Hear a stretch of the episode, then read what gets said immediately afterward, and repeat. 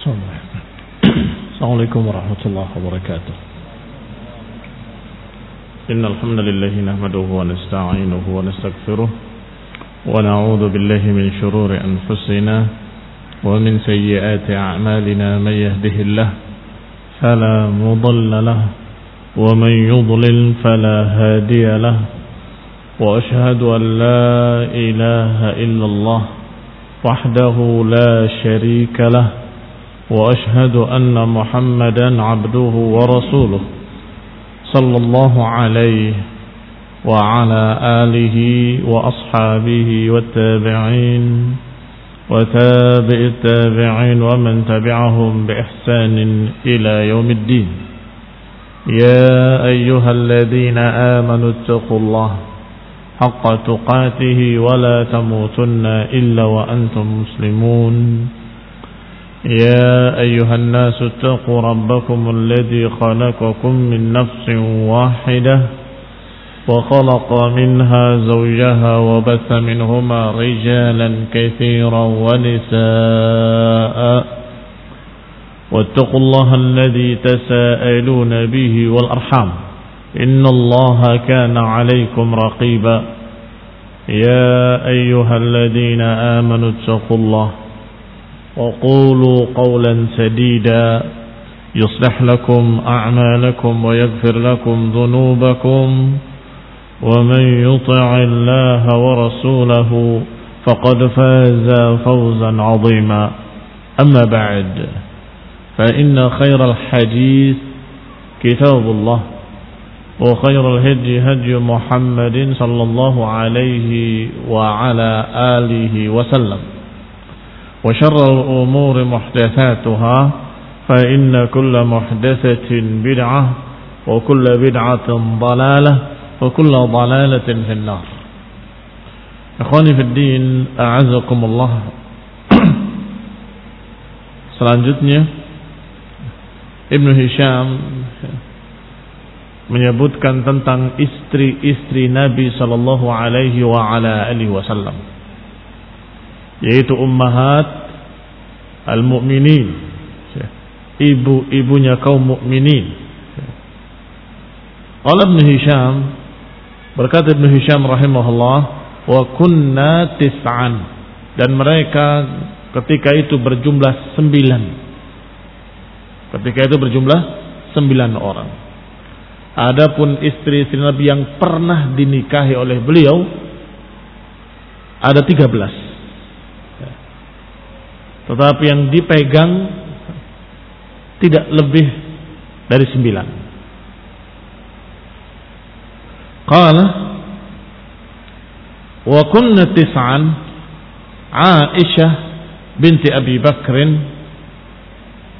wa Hafsah binti Umar ibn al-Khattab wa Ummu Habibah binti Abi Sufyan ibn Harb wa Ummu Salamah بنت أبي أمية ابن المغيرة وسودة بنت زعمة ابن قيس وزينب بنت جحش ابن رئاب وميمونة بنت الحارث ابن حزم وجويرية بنت الحارث ابن أبي ضرار وصفية بنت حيي ابن أخطب فيما حدثني غير واحد من أهل العلم. Demikian pada apa yang disampaikan kepadaku tidak oleh satu orang saja dari para ulama. Artinya beliau mengambil riwayat-riwayat dari para a'immah, dari para ulama, mereka menyatakan bahwa terakhir yang dipegang oleh Rasulullah SAW adalah sembilan orang.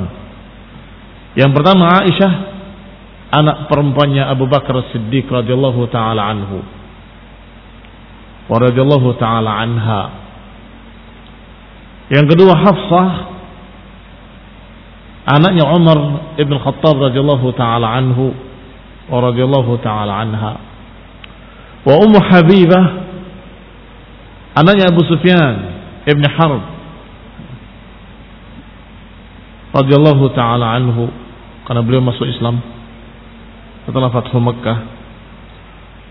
Wa radhiyallahu anha wa Ummu Salamah anaknya Abi Umayyah ibn Mughirah radhiyallahu taala anha wa Saudah binti Zamah ibn Qais radhiyallahu taala anha wa Zainab binti Jahsh ibn Riyad radhiyallahu taala anha wa Maimunah binti Al-Haris ibn Huzn ibn Hazm radhiyallahu taala anha wa Juwairiyah binti Al-Haris ibn Abi Dirar wa Safiyah binti Huyai ibni Akhtab radhiyallahu taala anha. Demikian sebagaimana diriwayatkan kepada beliau dari para ulama. Adapun seluruhnya dari istri-istri yang pernah dinikahi oleh Rasulullah SAW ada 13. Disebutkan satu persatu. Yang pertama dinikahi oleh Rasulullah SAW adalah Khadijah. Tadi di sembilan orang nggak disebut Khadijah, karena Khadijah dinikahi di awal pertama Rasulullah dan kemudian tidak berapa lama sebelum hijrah atau hampir akan hijrah meninggal pada Amul Huzn pada tahun yang disebut dengan tahun kesedihan. Ditinggal oleh istrinya yang dicintainya yang mulia yaitu Khadijah ditinggal pula oleh pamannya Abu Talib yang menjaganya melindunginya dan dalam keadaan diboykot ketika itu disebut dengan amul huzn tahun kesedihan. Maka ini yang sembilan adalah yang masih dipegang ketika Rasulullah SAW wafat. Yang masih tetap berstatus ummahatul mukminin ketika itu. Artinya masih hidup. Walaupun tentunya Khadijah juga um, termasuk ummahatul mukminin tapi sudah wafat radhiyallahu taala anha kita lihat satu persatu yang pertama dinikahi oleh Rasulullah SAW dari istri-istrinya adalah Khadijah binti Khuwailid. Wahia awwalu man tazawwaj. Dan dia adalah wanita pertama yang dinikahi oleh Rasulullah SAW. Rasulullah SAW dinikahkan kepada Khadijah oleh bapaknya yaitu Khuwailid ibni Asad. Walaupun diriwayatkan pula katanya wallahu alam dinikahkan oleh kakak laki-lakinya atau saudara laki-lakinya yang bernama Amr ibn Khuwailid. Wa asdaqaha Rasulullah SAW ishrina bakratan. Dan Rasulullah memberikan maharnya 20 ekor unta. Disebut bakrah unta yang masih muda. Unta yang masih muda-muda. Fawaladat li Rasulillah sallallahu alaihi wa ala alihi wasallam waladuhu kulluhum. Dan lahirlah anak-anak Rasulullah SAW dari Khadijah seluruhnya. Kecuali Ibrahim. Berarti anak-anak Rasulullah SAW semuanya dari Khadijah. Kecuali Ibrahim saja. Yang nanti akan disebutkan bahwasanya Rasulullah SAW mendapatkan anak-anaknya dari Khadijah. Hanya saja anak-anak laki-lakinya semuanya meninggal dalam keadaan masih kecil dan belum memiliki keturunan. Sehingga tidak ada satu orang pun yang bisa dikatakan nasabnya kepada Rasulullah SAW. Karena tidak ada anak laki-lakinya. Anak laki-lakinya tidak sempat sampai menikah, apalagi punya anak. Maka yang ditinggal yang tersisa sampai menikah adalah anak-anak perempuannya. Di antaranya yang dinikahkan kepada Utsman bin Affan sampai meninggal dinikahkan lagi dengan anak perempuan yang berikutnya. Maka Utsman bin Affan dijuluki dengan Rain, memiliki dua cahaya. Ini pernah menikahi dua anak perempuan Rasulullah SAW.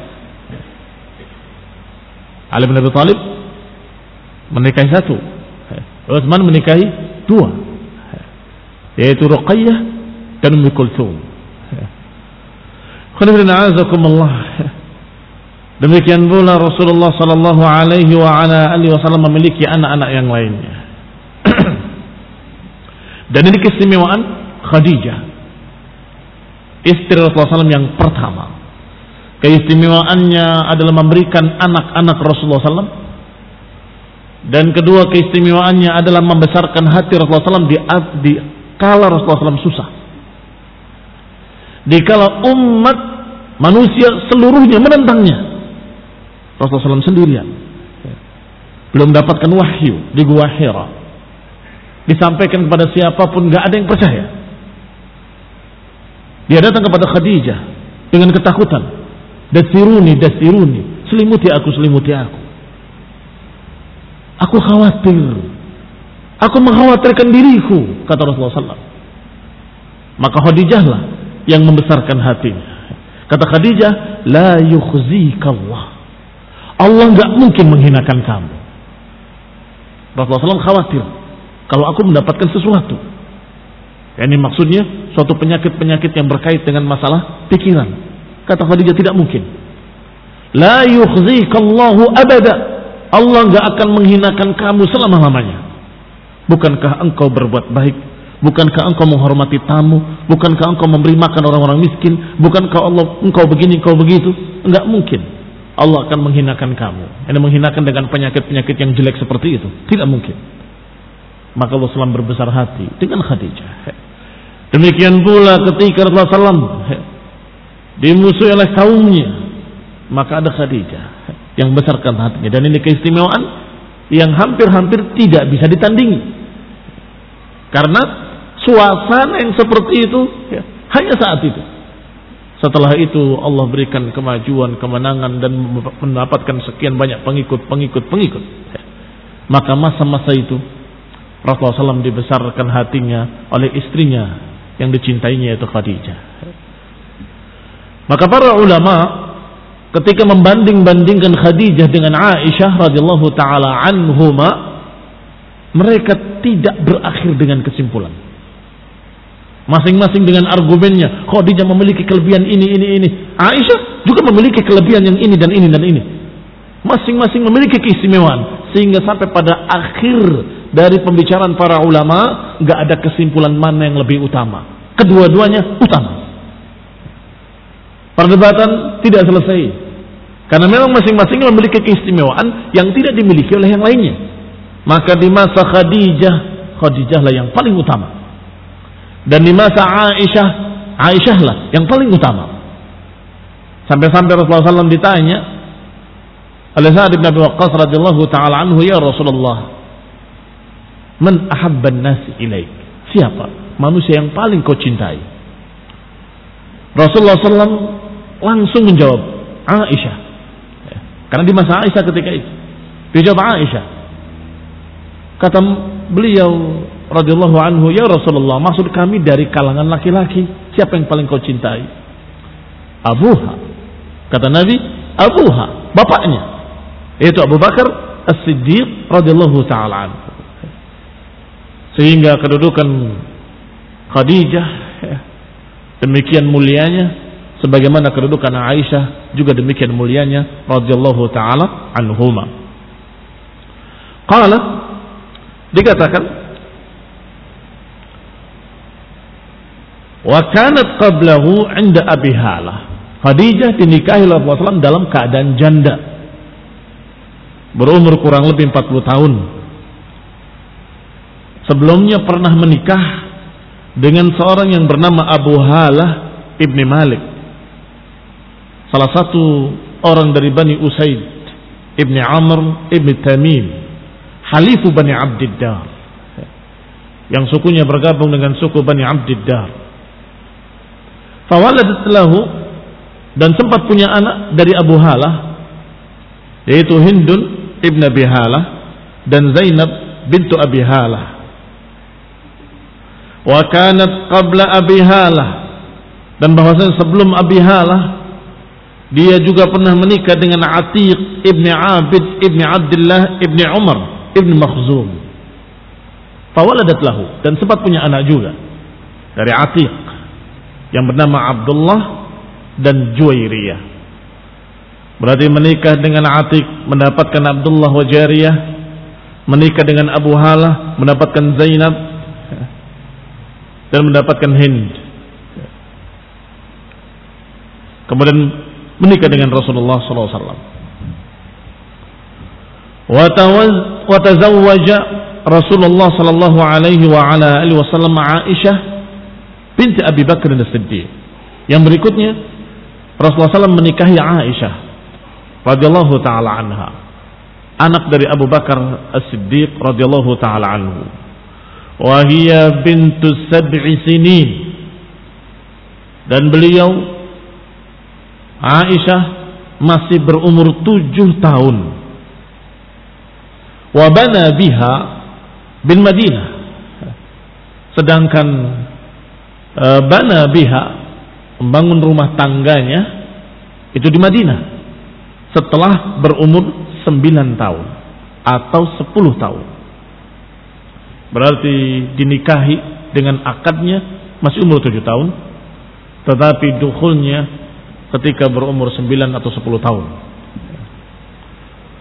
Walam yatazawwaj Rasulullah sallallahu alaihi wa ala alihi wasallam bikran ghairaha dan Rasulullah SAW tidak pernah menikahi wanita dalam keadaan perawan kecuali Aisyah.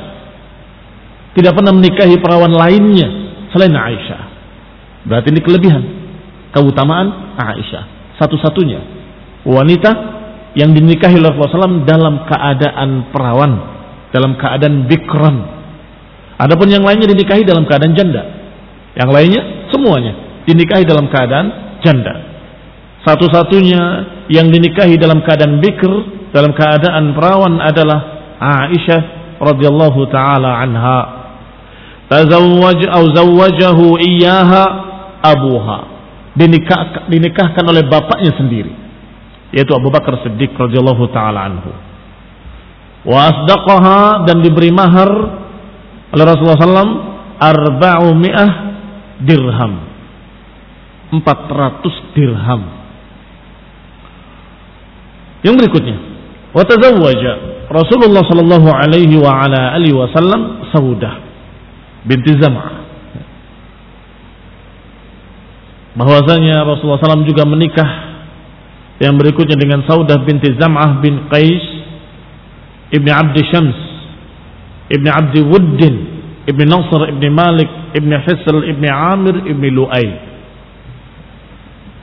Dinikahkan Rasulullah SAW dengan Saudah oleh Salib ibni Amr. Wa yuqal dikatakan pula oleh Abu Hatib atau yuqal Abu Hatib. Dikatakan Abu Hatib ibni Amr ibni Abdi Syams. Ibni Abdi Wuddin ibni Nasr ibni Malik ibni Hisal. Dan Rasulullah SAW asdaqaha memberikan sadaqnya memberikan maharnya arba'umi'at dirham. 400 dirham.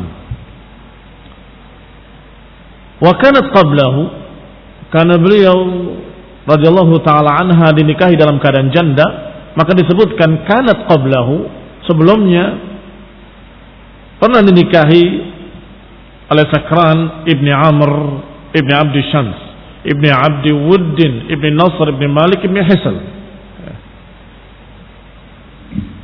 Yang berikutnya Rasulullah SAW menikah dengan Zainab binti Jahshin. Ibni Ri'ab al-Asadiyah dari Bani Asad dinikahkan Rasulullah SAW oleh saudaranya sendiri. Maksudnya saudaranya Zainab. Yang kunyahnya Abu Ahmad ibni Jahash wa asdaqaha Rasulullah SAW dan Rasulullah SAW memberikan sadaq memberikan maharnya arba'mi'at dirham 400 dirham juga. Wa kanat qablahu 'inda Zaid dan sebelumnya dia dinikahi oleh Zaid ibni Harithah. Maula Rasulullah SAW tadinya dinikahi oleh Maula. Artinya pernah dinikahi pernah dinikahi. Tentunya sudah terpisah apakah dengan meninggalnya atau dengan diceraikan. Adapun Zainab binti Jahash karena diceraikan oleh Zaid.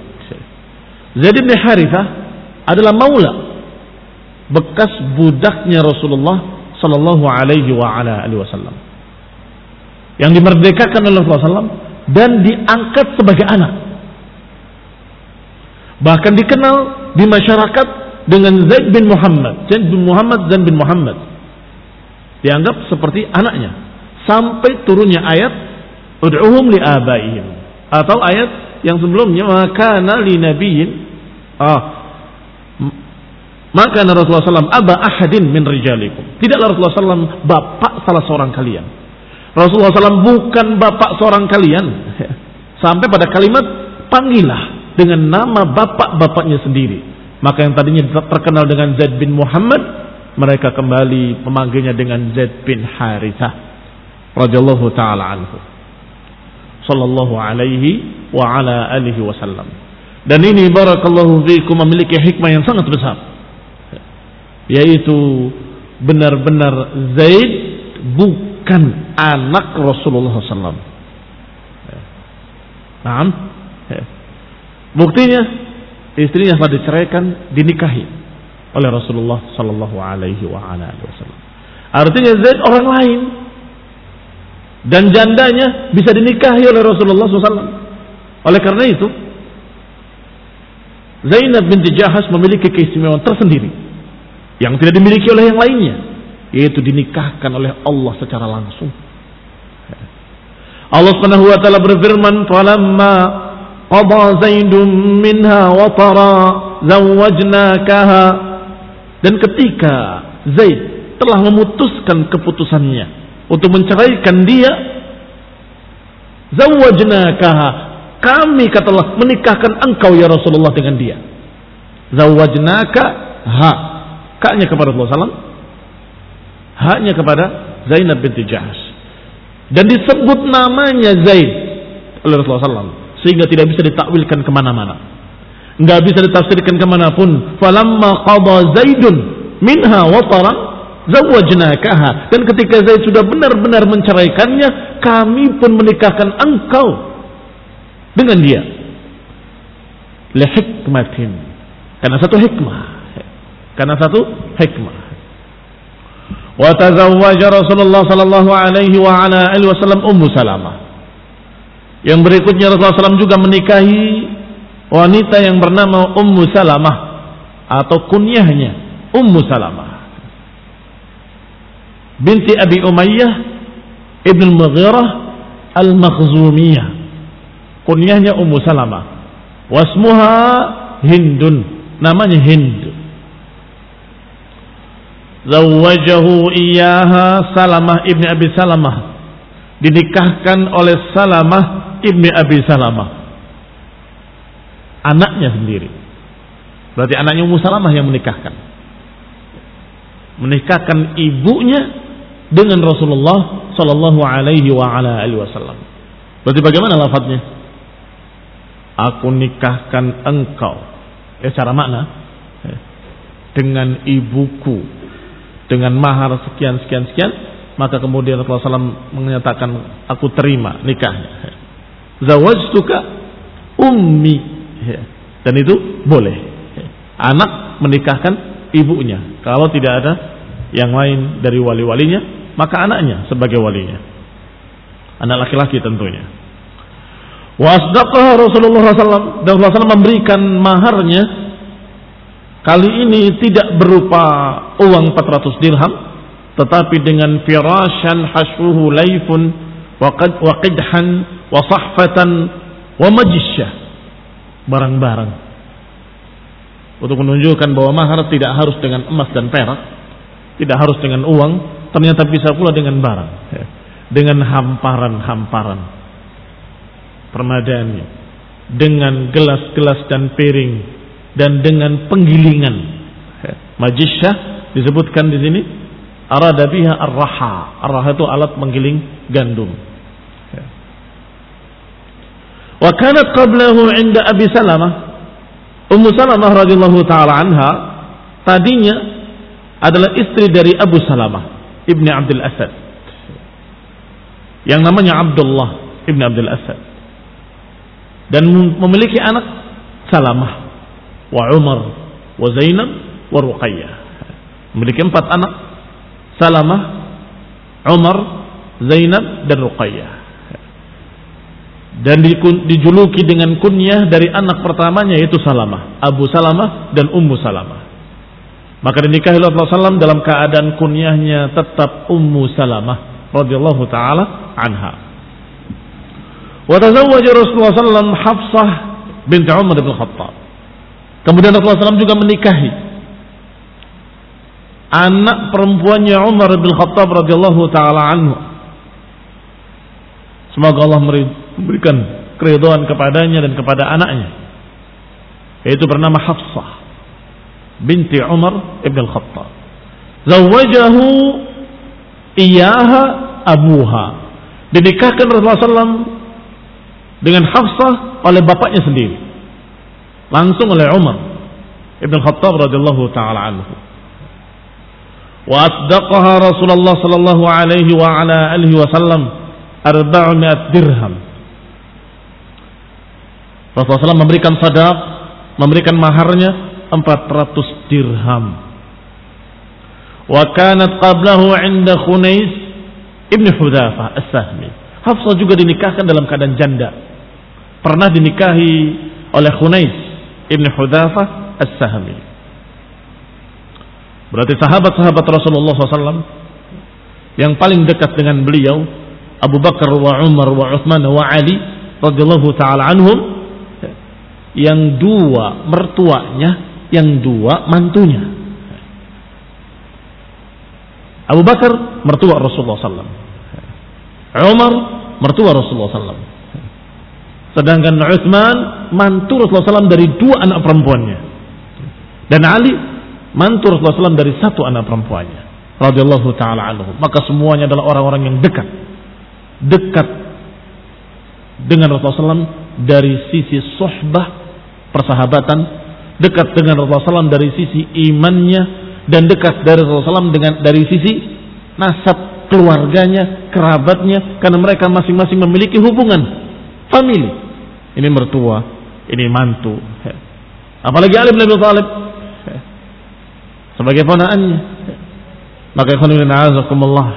Ini semua menunjukkan keistimewaan dan keutamaan al-khulafa ar-rasyidin Abi Bakr wa Umar wa Uthman wa Ali radhiyallahu taala anhum ajma'in. Wa tazawwaja Rasulullah sallam Ummu Habibah. Rasulullah sallam juga menikahi Ummu Habibah. Namanya Ramlah. Ummu Habibah kunyahnya. Adapun namanya Ramlah binti Abi Sufyan ibn Harb. Anaknya Abu Sufyan bin Harb. Padahal waktu itu Abu Sufyan belum masuk Islam. Setelah Fathu baru beliau masuk Islam radhiyallahu taala anhu. Ketika dinikahi dalam keadaan belum masuk Islam. Maka ketika datang bapaknya mau duduk di hamparannya, anak perempuannya menarik hamparannya dan menyatakan haram engkau duduk di atas ini sampai Rasulullah SAW mengizinkan. Untuk menunjukkan bahwasanya aku lebih mementingkan Rasulullah SAW daripada engkau wahai bapakku. Karena engkau masih kafir. Engkau tidak boleh duduk di hamparan ini sampai Rasulullah SAW mengizinkan. Maka ketika disampaikan Rasulullah SAW, Rasulullah mengizinkan. Ini khonibina azakumullah. Keistimewaan Ummu Habibah radhiyallahu taala anha. Qala wa huma bi ardil Habasyah. Ummu Habibah juga memiliki keistimewaan yang unik yang tidak dimiliki oleh istri-istri lainnya. Zawwajahu iyyaha Khalid ibn Abi Sa'id ibn al-As wa huma bi ardil Habasyah. Wa asdaqaha an-Najashi an Rasulillah SAW 400 dinar. Wa huwa alladhi kana khatabaha.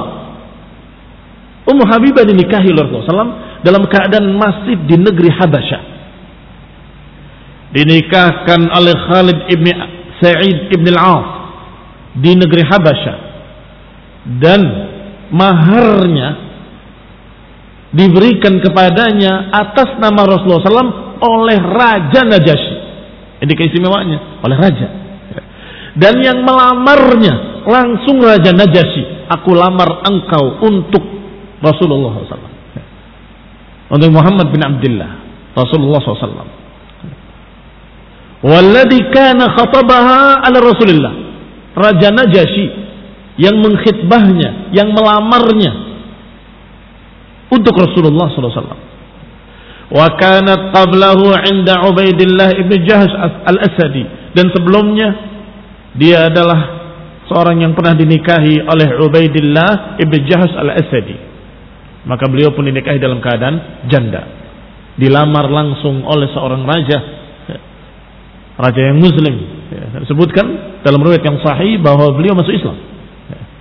Beriman dengan Rasulullah SAW dan bahkan memintakan, melamarkan untuk Rasulullah SAW dan memberikan maharnya atas nama Rasulullah SAW dari beliau.